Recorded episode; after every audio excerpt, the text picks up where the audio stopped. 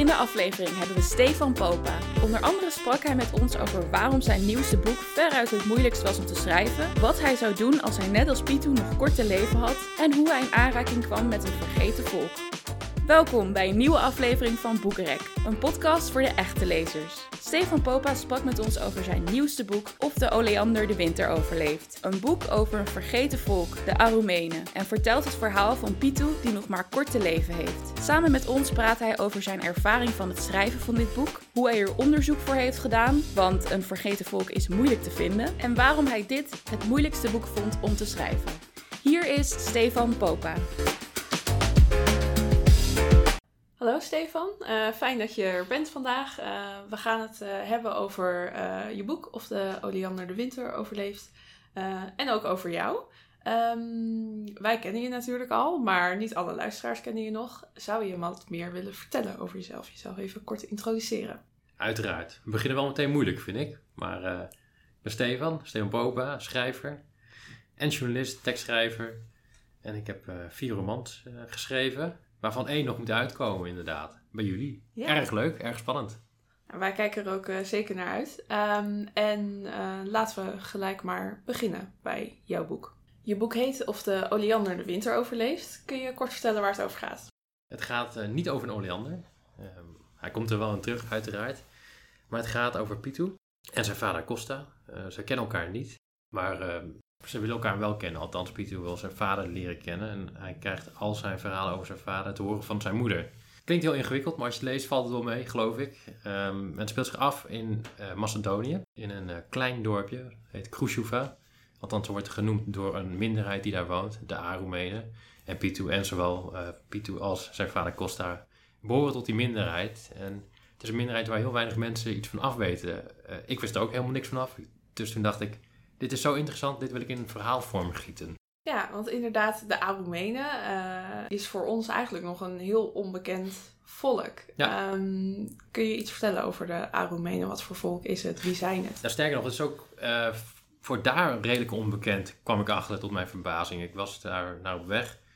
Uh, ik wilde natuurlijk weten waar ga ik over schrijven. Ik heb een reisje gemaakt, meerdere reizen. Maar de laatste keer was ik daar alleen. En dan spreek je wat meer met mensen. En de eerste dag dat ik daar was, in een klein stadje in de buurt van waar eh, zij leven, um, zat ik te eten, heel gezellig in mijn eentje met mijn iPad. En ik vroeg aan de ober, joh, ik uh, ga morgen naar uh, naar een belangrijk dorpje voor, voor de Armeen of de vlaggen, zoals zij zeggen. Hij had geen idee waar ik het over had. Of hij wilde het niet vertellen. Maar toen dacht ik, het wordt alleen maar interessanter, dit waar ik over ga schrijven. En in Nederland, ja, volgens mij kennen heel weinig mensen deze bevolkingsgroep. Ja, ik, heb er, ik moet ook eerlijk zeggen, ik heb er zelf ook nog nooit van gehoord dat ik jouw boek uh, begon te lezen. Toen uh, kwam het steeds meer uh, tot leven. Ja. Um, herken jij dingen van de Aromenen in hun identiteit in jezelf of misschien in het Nederlandse volk? Zie je daar overeenkomsten? Um, nou, dat niet per se. Um, nou goed, hoewel, het zijn gewoon mensen. Hè? Het zijn gewoon normale ja, mensen zoals ja. jij en ik wat dat betreft genoeg eh, te herkennen. Maar in de cultuur en, um, is het iets anders. En hoewel mijn grootmoeder komt uit Roemenië. Uh, mijn vader komt uit Roemenië. En de eerste keer dat ik verdwaald was in de bergen daar. Dat was een heel ingewikkeld verhaal. We gingen weg vanuit het hotel. Uh, ze zeiden tegen ons, oké, je gaat de bergen in. Hartstikke leuk. Maar pas op dat je niet verdwaalt. En zorg dat je voor het donker thuis komt. Dus wij zitten redelijk relaxed in de auto totdat het begint te schemeren al. Toen dachten we, ja, we moeten hier, we moeten hier wegkomen. Anders gaan we het niet redden. Uh, overal zandpaadjes, grind. Wij scheuren en, en uh, met gevaar voor eigen leven die berg uit. En ineens hebben zijn we op een T-splitsing. We moesten of links of rechts. Wat toch heel vaak zo is met T-splitsingen, maar vooruit. En daar loopt een oud stel. We vragen, dus ik doe mijn raampje open. We vragen of, uh, of ze de weg weten naar, nou ik weet niet meer hoe het dorpje heet, maar het dorpje lag net, net buiten de berg lag. En zei, die mevrouw, een heel oud vrouwtje, 80, 90, die hangt er bij mij over mijn stuur bijna. En die en die zegt links-rechts en dat versta ik ineens. Terwijl wij in Grieks sprekend deel waren en ik spreek in Grieks, hartstikke ingewikkeld. Toen dacht ik, hé, hoe, kan ik dat, hoe kan ik dat nou hebben verstaan? En toen moest ik eens aan mijn grootmoeder denken, die altijd Romeins tegen mij sprak. En toen begreep ik er al helemaal niks meer van. Waarom spreekt zij een, een Romaanstalige taal? En nou ja, goed, dan ga je thuis Wikipedia uitzoeken. En toen, toen viel alles op zijn plek. Dat was 2013 of zo, denk ik. Ik ben heel slecht in jaartallen, maar toen al speelde het idee om, om dit verhaal te schrijven. Maar ik Ja. heb nooit gedacht, oké, ik ben goed genoeg of ik ben er klaar voor om dit verhaal op te schrijven. Nee, want het is wel grappig, want het ligt dus best, toch wel best wel dicht bij jezelf, enigszins. Aan de andere Ja. kant is het natuurlijk ook iets heel anders, want de Aromenen zijn een heel ander volk dan de Roemenen. Maar Ja. het komt wel uit die hoek, komt, is de interesse Taalkundig is het heel erg verwant, die twee talen. Ja. ja. Ja. ja, interessant. En ehm, ben ik ook wel benieuwd, zijn er dan ook nog personages geïnspireerd op de mensen die je daar bent tegengekomen? Want je zegt dat je al een aantal keer daar naartoe bent gegaan. Ja. Ja, ja, dat is altijd een hele lastige vraag, vind ik. Ehm, net als de vraag, hoe ver lijkt de personage op, op jezelf? Ja. Het, als schrijver kijk je, ja, kijk je altijd naar die mensen met het idee... oké, wat van iemand kan ik gebruiken in een boek? Wat voor gebaartjes of wat voor ja, precies. uiterlijke kenmerken? Ik heb wel één personage, een beetje gebaseerd op iemand die ik tegenkwam... een beetje zo'n macho man, en, maar heel, heel lief en, en eh, vol goede verhalen. En die heb ik wel een klein beetje verwerkt in een, in een personage... maar dat personage bestaat ook weer uit iemand, heel iemand anders... uit mijn directe Ja. omgeving bijvoorbeeld. Het zijn allemaal plukjes Het is eigenlijk die bij elkaar en, en plakken ja, is het eigenlijk. Ja. Ja. Ja, maar dat maakt ook wel het, eh, het verhaal authentiek, denk ik. Dat soort... eh, Dat denk ik, dat hoop ik. ja. Ja. nou ja, voor zover ik kan eh, zeggen wel, zeker. Ehm, dan over de personages. Want eh, er is één eh, personage die vinden wij heel leuk. En die komt ook... Af en toe komt hij zo eens terug in het boek. En Ja, dat dat is ben ik heel benieuwd. Het schaap Tito. Ja. Waar komt het schaap Tito vandaan? Eigenlijk uit een woordje dat ik las. Ehm, en dat kwam in een, in het, in Aromeens woordenboek. Dat heb je, dat kun je volgens mij ook downloaden, iedereen die dat wil. En dat gaat van het Engels, Frans en Roemeens. En schijnbaar is er een woord voor een soort, eh, ja, een soort slachtschaap, eh zullen we maar Mm. zeggen. We hebben niet echt een woord dat daarop lijkt, maar dat is een schaap dat je koopt. En dat dan bij je huis gehouden wordt. En dan rond Pasen ergens wordt het geslacht. Ja. Maar ik vind het niet... eh, Kijk, als je naar Google afbeelding gaat en je googelt lammetjes... dan kun je je toch niet voorstellen dat je zo'n beest eigenhandig eh, de nek omdraait, Nee. toch? Nee, nee. Ik dacht, nee, dat kan ik ook niet maken als schrijver. Dus ik dacht, oké, dat lammetje, dat is door zo'n zwak iemand als, nou, als wij, hè, geadopteerd. En het heeft Paas overleefd. En toen dacht ik, ja, dat is hartstikke leuk. Dat is een leuk extra personage eigenlijk is het Ja. geworden. Ja, het is inderdaad... eh, Af en toe komt Tito eens voorbij en denk je... Oh ja, hoe Ja. gaat het dan met Tito? En, eh, Een heel troostend personage ook. Want. Tito heeft natuurlijk af en toe wel zwaar. Heeft gehoor, eh, te horen gekregen dat hij niet lang meer te leven heeft. nee. En af en toe komt Tito hem eigenlijk opvrolijken en Ja. irriteren. Ja. Ja. ja. Maar jij vond hem leuk. Ja, ik vond hem leuk. Sowieso wel wat meer dieren, dierenpersonages die in je verhaal Ja. eh, voorkomen. Dat, eh. Ehm, maar inderdaad, Tito die eh, kijkt eigenlijk naar hè, zijn laatste dagen van wat, wat gaat er nog komen. Wat zou jij doen als jij nog zou weten dat je zo'n korte leven zou hebben? Oh, wat een goede vraag. Wat zou jij doen? Wat ik zou doen? Ja? Oeh, ja. Dat, Kan ik even nadenken? Ja. Nou, ik zou denk ik eh, toch wel heel, heel gestructureerd beginnen met een lijstje maken. Wat wil je nog doen? Ik denk dat ik daar, daar dat, dat mijn beginpunt zou zijn. Ik vind nou wel een beetje dat je de vraag beantwoordt met dezelfde vraag. Ja, eigenlijk wel, ja. Want wat, ja, daar, ja, daar heb je een heel goed punt. Dank je. Nou ja, ik weet het niet. Wat, ja, wat zou je doen? Ik denk sowieso genieten van het leven. Dat dat wel... eh, Ja, Maar ja, hoe doe je dat? Hoe ga je dat vormgeven? ik vind het heel moeilijk. Misschien dat ik toch nog heel snel een boekje zou schrijven hoe zoiets Ja. echt werkt. Ik heb er nou over gefantaseerd. Wat zou je er doen? Ja. Pitu doet niet zo heel veel eh, anders. Nee, hè? hij is vooral bezig met over het leven wat hij heeft gehad, nadenken. En Hij is bezig met zijn erfenis ook. Wat Ja. laat ik achter? precies, voor zijn dochter. Voor wat zijn kan, dochter, wat kan ja. hij nog betekenen? Ja. Ik denk dat ik gewoon heel veel zou eten en drinken de hele Ja. tijd. Totdat het over is. Ja. Ja. Nou, dat lijkt me een heel goed, eh, goede manier om de laatste dagen door te brengen. Ja. Zeker. Een soort kersttijd. Ehm, nou, laten we het ook nog vooral even hebben over het werk wat je al eh, eh, gedaan hebt. Jouw andere boeken. Je debuut kwam in 2014. eh, Verdwenen Grenzen. En ehm, nou, daar kwamen eigenlijk gelijk al hele goede kritieken en recensies op. Ook in DW, DWDD boekenpanel besproken. Ehm, hoe was dat voor jou als beginnend schrijver?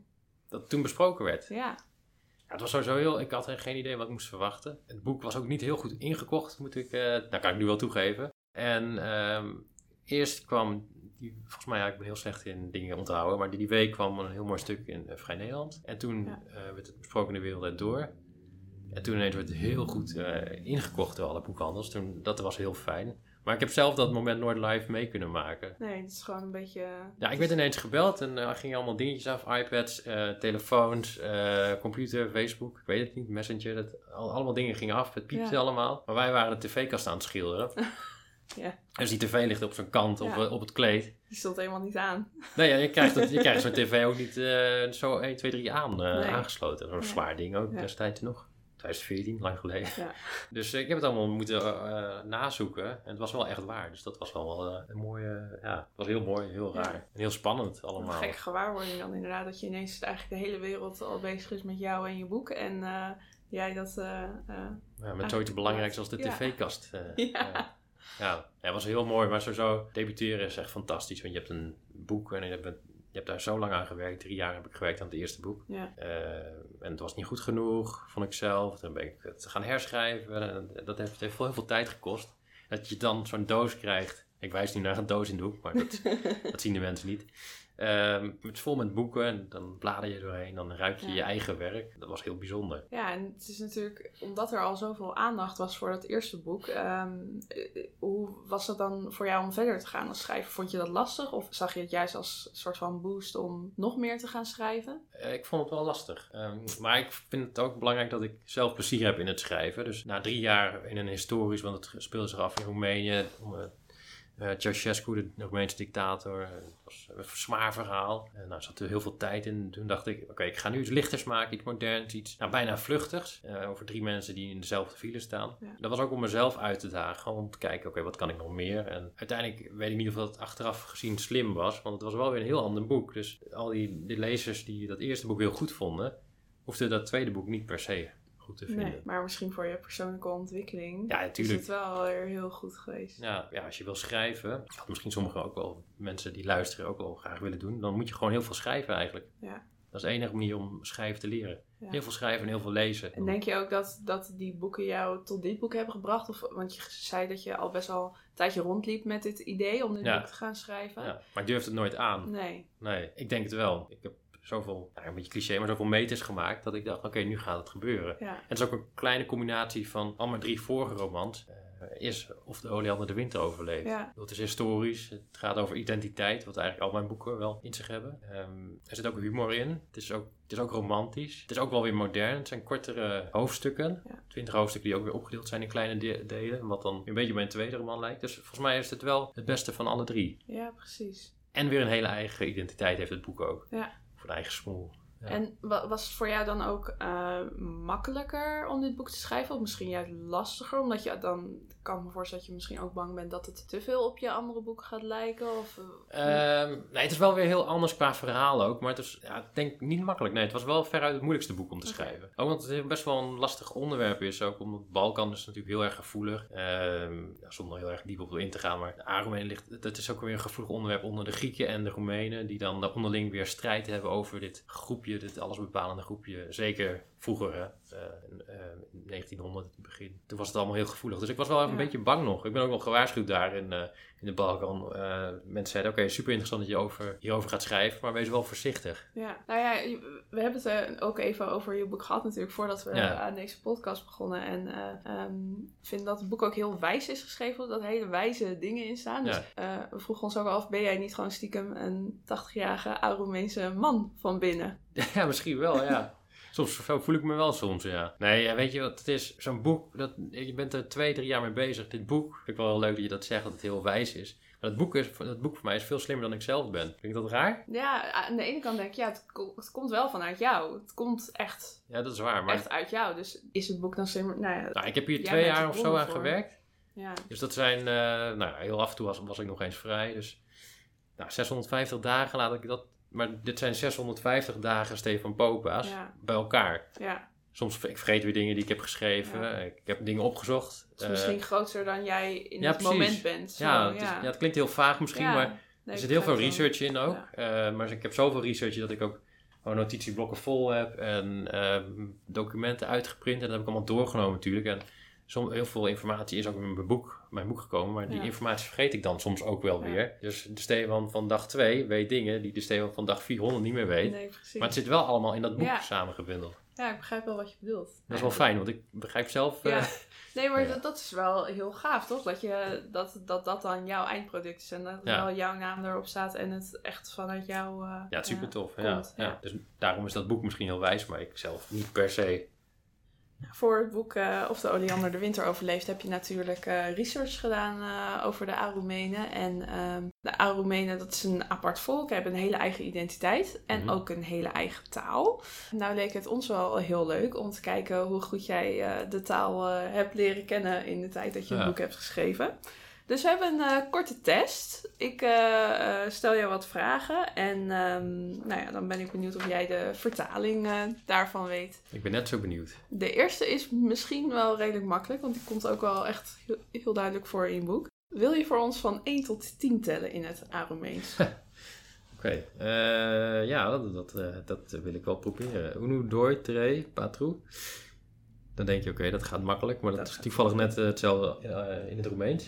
Uh, Tinti, chassi, shapti, optu, noe, zati. nou, 10 out of 10. Echt, eh, Ja? ja? heel Nou, heel- knap, ja. heel knap, ja. Ik weet niet of we op uitspraak moeten controleren, maar eh, ik, Nou, daar ga ik eh, mezelf nu ook even in het eh, diepe gooien, want ik ga nu wat Aromese woorden ah, sterk. Voorlezen? Ja, ja, En dan ben ik benieuwd of jij de Nederlandse vertaling weet. Dus als je weet dat ik het verkeerd uitspreek, vooral eh, corrigeer me, want dan eh, kan ik het ook gelijk goed uitspreken. Ehm, dan gaan we. Gini finit. En welkom, Ja, denk ik. heel Ja, goed. ja. Ja, ja. Ehm, arbore. Boy. Het klinkt wel bekend.